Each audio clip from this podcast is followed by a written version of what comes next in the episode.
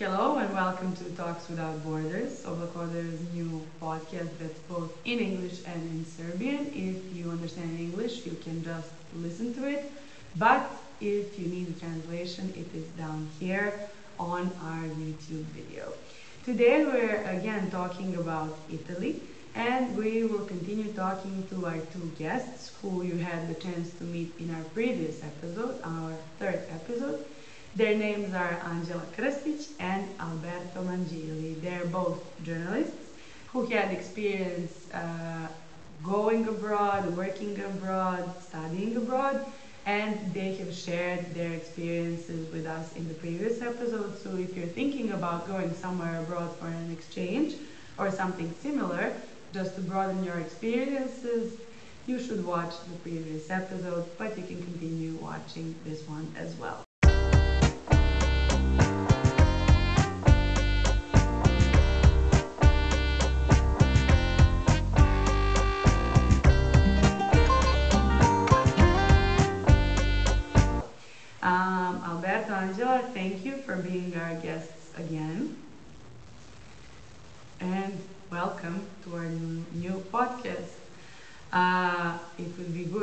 Hear something from you now. Something. Thank you for having us. Thank you again. Just to see, I mean, if the sound is working, if everything is okay, if there, we have a stable connection. I think that by now we do definitely. Um, so you have shared both your experiences in, in going abroad. You both have very, very positive experiences. And now we'll, this episode will focus more on uh, cross-examining your experiences. So Alberto, you have been to Serbia and you have traveled here. And Angela, you obviously fallen in love with Italy. That's from what we've heard. What were the best uh, things that you did not expect that you have faced or have seen Alberto in Serbia, Angela you in Italy? So this is a question I would have to think about because I cannot really single out one best experience that I've had. I mean, something that I did not expect was something I mentioned in the previous episode because I was so taken aback by it. It was the risotto in a bag that you could buy in the store and just instantly cook it. And now, whenever anyone I know goes to Italy, I just ask them to bring me back some of that risotto because I really liked it. It was really cheap and accessible, and I ate it just all the time. But overall, Italy was just mm, very similar to our country in some ways you know the day-to-day life so many of the experiences were very positive and kind of felt familiar mm-hmm. What, what felt most familiar to you what are the things that you think that we share with italy i think the hospitality of the people they just are very happy and uh, you know very available when you ask them something uh, maybe I think I've noticed they're more talkative on the streets. That's something I really have noticed. And also, your local shop assistants will remember you. Uh, that's one very positive thing I remember. And uh, I was going to this bookshop almost every day because it was by my university and I was in to get something for my studies. And the last day, when they came there to just print out my ticket back to Serbia, um, they just asked me, well, you're all smiley all the time. Like, why are you all sad today? What happened? And I was so amazed by, you know, just them remembering me, remembering that I come to their shop every other day, and them being genuinely concerned as to why I'm so sad. So I, I explained I'm going back to Serbia, I won't be seeing you again. And they gave me this whole speech about how everyone that ever came to Rome found their back, uh, you know, found their way, way back. And uh, it was so touching, and they were really encouraging. And they told me, "Oh, come on, you must miss your country. You'll just go back there and spread the positive experience." And they were also nice to me, so that is one thing. I think, yeah, that kind of surprised me the most. That I was memorable to a shop assistant just like I am in Serbia. Okay, Alberto, what do you think about Angela's experience? Is it just the, the love effect or is it true what she said? Yeah, I think uh, it's true. I just firstly want to say that probably, of course, Italy. Maybe we we are going to talk about this. It's um, so different in inside. So probably, of course, they say. But I want also to say that there are many stereotypes, of course. But one of these could be also that uh, I'm from the north, and uh, they say that northern people are uh, colder so probably Angela should uh, maybe should have not uh, had the same experience in uh, the north, but uh, she could also have a better one. So it's impossible to say this, but of course it's good to hear this because I think nice people are everywhere. So it's in Rome, it's in uh, Milan, it's uh, elsewhere. I think that uh, it's good when, um, of course, when you are not um, in uh, of that place, of course, but people care about you, and uh, this, of course, happens in Italy, happens in Serbia too, and um, I also had some experiences like this of uh, abroad people, or maybe I was abroad. Uh, of local people caring about me, and uh, of course, these are um, features that uh, empower, that really boost our experience and our life. So I completely agree, and I feel her happiness for this, and it's good. And how was your experience in Serbia? What were the most positive things?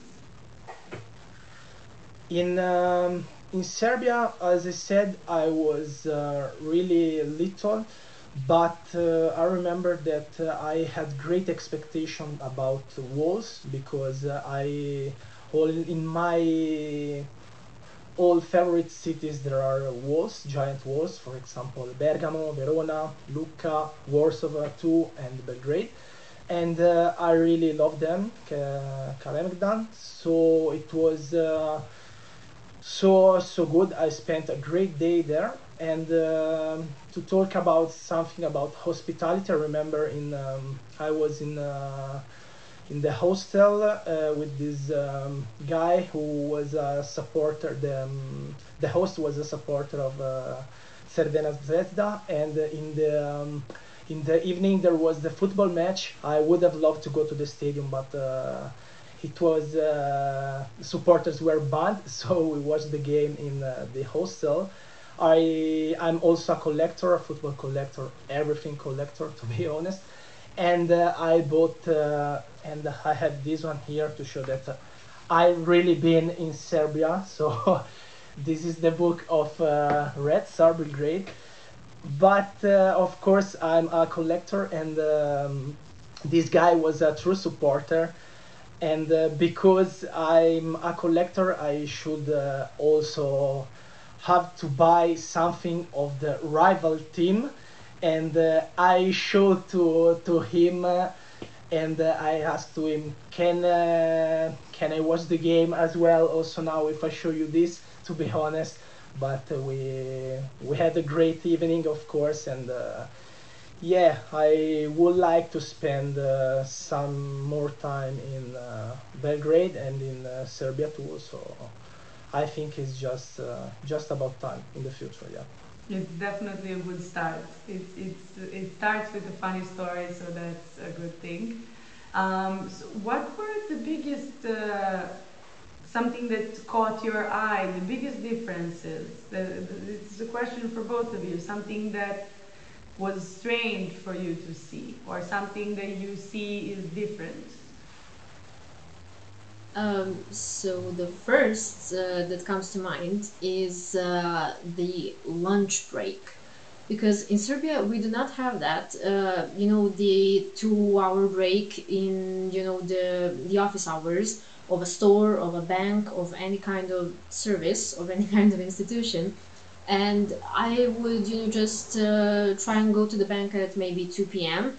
and then I would see closed for lunch break. And then I noticed that everywhere they did that because you know the Italians really wanted to make their lunchtime special. And then, yeah, I remember when I was little, my parents also would come back, you know, home and eat their lunch and then come back to work. So, yes, that's one difference that I, as a working person in Serbia, have not noticed before that we had. I mean, my lunch break was short and sweet, and then we would continue on. But no, no shops would just close for two hours for their lunch break. So that was the most obvious one. Then again, uh, the nutrition, I think maybe it was a coincidence because I was a practically a foreigner in the country, but the the way they ate was mostly carb based, and I remember just eating so many carbs. While in Serbia, I was just you know used to eating so much meat, but maybe that is an individual thing and uh, I needed to kind of get used to the sweet breakfast because uh, my Italian friends would try and like to eat the, um, the croissant and uh, you know with some coffee while I was uh, begging my Serbian friends to bring me some pasteta, you know the spreadable meat for my bread because I wanted my salty breakfast in the morning. Also the coffee, uh, you know, as much as I admire Italian coffee culture and I loved it and I indulged in it, it was really nice when my Serbian friends brought me our Turkish coffee that I would have in the exam season because it really helped me. And maybe one other thing that surprised me, it uh, maybe it's specific for the place where I've been, maybe the whole Italy has it, but the coffee machines where we would play a memory game while waiting for our coffee. That was just mind blowing to me. And then when I came back to Serbia to my university, when I would go to the coffee machine, I was like, so where's the game to entertain me while I wait? That was something I really missed about it. That is very, very specific, but also very cute. Thank you, Alberto. What was your experience?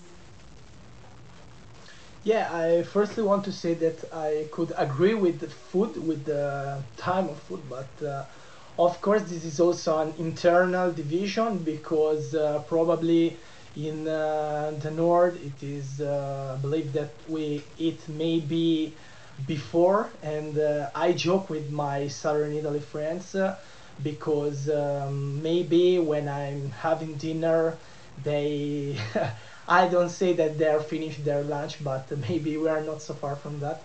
But uh, of course, uh, everyone has his uh, schedule about food.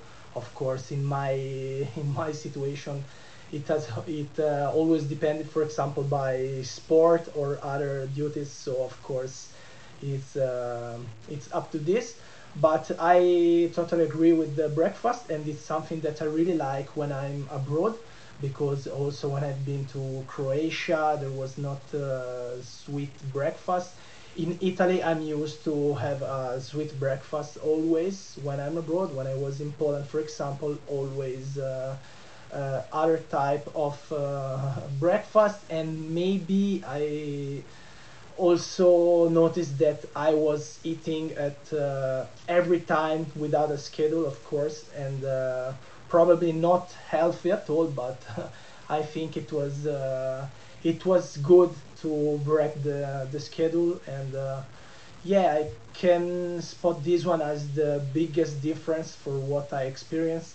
Then uh, I can say that when I will come back to Serbia, I will try to notice more uh, differences. Of course, maybe not only about this, but uh, maybe more about people because uh, I didn't have the opportunity to talk with many Serbian people because it was a really quick uh, trip and I worked a lot. I did many things, but uh, almost on my own. So yeah, but, I, I will do it. but nothing you saw on the outside was very shocking to you or unusual.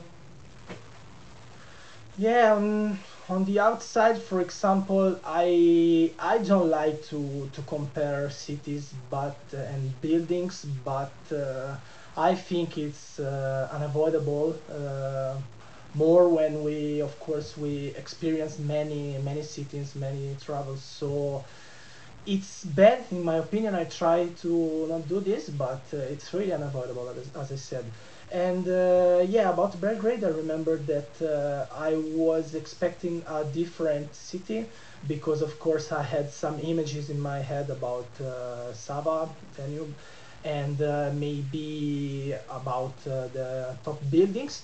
But of, I thought I wasn't expecting like um, these uh, hills. I don't know how to say because it uh, reminded uh, to me a bit uh, San Francisco, of course. Maybe it's quite strange, but uh, you have to understand this uh, this sentence. And it was strange because also I remember that I found uh, the richer part of the of the city after a while. So I came to Belgrade with just a summary knowledge of that I don't like, and this uh, refers to all. I don't like to see many pictures on, of the city before uh, going there. Of course, for example, uh, with New York or San Francisco is impossible, but maybe Belgrade, which is not uh, under uh, the biggest lights of media, of course, I think uh, this also could give us a better and more genuine experience. And of course, in Belgrade, I had this one at all. Can you explain uh, with this uh, podcast? We want to expand the, the views of young people about traveling and about living only in one place and maybe going abroad and having different experience. Can you explain shortly for you uh, what these, all of your traveling experience, when you go somewhere, meet a new culture, what do you gain with them? It's a bit of a philosophical question, so I can understand the pause, but shortly. Well, you do gain uh, experiences, of course, and valuable memories. Uh, whether it being good or bad, it's still an experience and um, yeah it stays with you forever. But you also kind of get to know yourself especially if you travel alone or you spend uh, some time on your own you know just sightseeing alone and uh, maybe interacting with the locals. So then you challenge yourself especially if the locals do not speak english or you know any other languages widely spoken in the world so that is, I think, a pretty valuable thing to learn from in your life in general. Okay, Alberto. Yeah, I, I agree because I think that uh, from my experience, I saw many places, but my favorite one uh, abroad uh, is always Warsaw. And uh, of course, I had the opportunity to experience it more and more. And I think that uh, our knowledge, our life, uh, uh, it's up to us to boost it. But I think that we people can travel a lot and maybe also try to travel in not um, so commonplace. I don't mean that uh, you have to avoid London or Paris, uh, bigger cities, because I found uh, great experiences also in uh, London, but uh, probably Warsaw, even if it's a capital city, is not um, one of the top uh, favorite from people. But uh, of course, it depends. I think that Belgrade should uh, should have been my second choice, and it's not to. I'm not saying this for you, but it's written also on my thesis, so it's verified because I think even if we can stay one day, just one day in a place, we can we can understand maybe something uh, that we can understand only being there. And uh, in Belgrade, I had many many idea, many flashes in my head to to make me think about uh, wow, it would be cool to live uh, here and of course in other places even if maybe you you stay there for a week for a month you say mm, i don't like to probably to live here. So of course only traveling making experiences and never in my opinion never uh, focus on uh, what other people say at all but go and try because uh, if I would have listened other people about Warsaw, I probably would have missed a great piece of my life. So go and uh, think what uh, we really think. Again, we have a motivational quote for, for our ending. But before we end, very, very shortly, how can we empower young people to travel and connect with other young people from different countries? Do you have some bright ideas? Maybe showcasing experiences such as ours, you know, could really motivate someone because I remember from my own experience, I was the first one to break the ice in my generation and just go abroad and do something, do some kind of exchange. And then all of a sudden, my other friend was going to an educational an educational uh, two week program in Germany. My other friend uh, signed up for a scholarship for a course in Italy for a month, and she loved it. She went to Perugia, which is beautiful. Also, my friends from Niš, who studied something completely different than you know what I did, they just uh, went uh, to Bulgaria for a two weeks course. So you know, everybody when they just saw and heard what they experienced, they wanted that for themselves. And they, even though they thought it was not that accessible to them, they just found the opportunities. All of a sudden, they saw it all around them, so they took it. And I think it's really important to showcase all of that. I completely agree. Alberto? I think that when we choose to do an experience, particularly abroad, we just have to consider one point uh, firstly and is that even if we even if uh, maybe it won't be so good it's always growing because even bad trips or uh, other um, bad situation abroad i think they are um, good for us because we we grow up we learn new things and maybe they help us to maybe also choose better in uh, other situation. I had also bad situations abroad, but I never felt uh, like uh, scared or worried or thinking about uh, why I did this, why did I do this, but always trying to see the best because uh, if uh, if we stay only at home, we just have a um, uh, few uh, side of the world.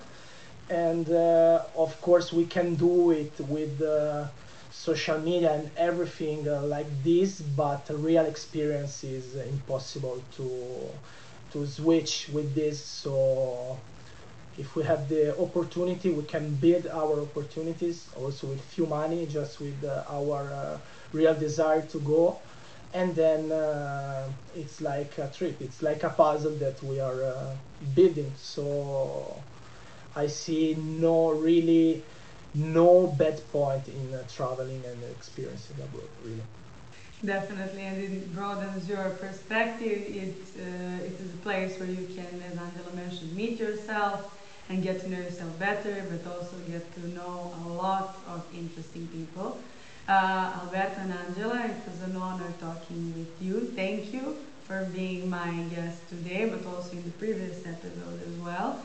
And I both wish you uh, very much luck in your future travels and to see and travel to any place that you wish for.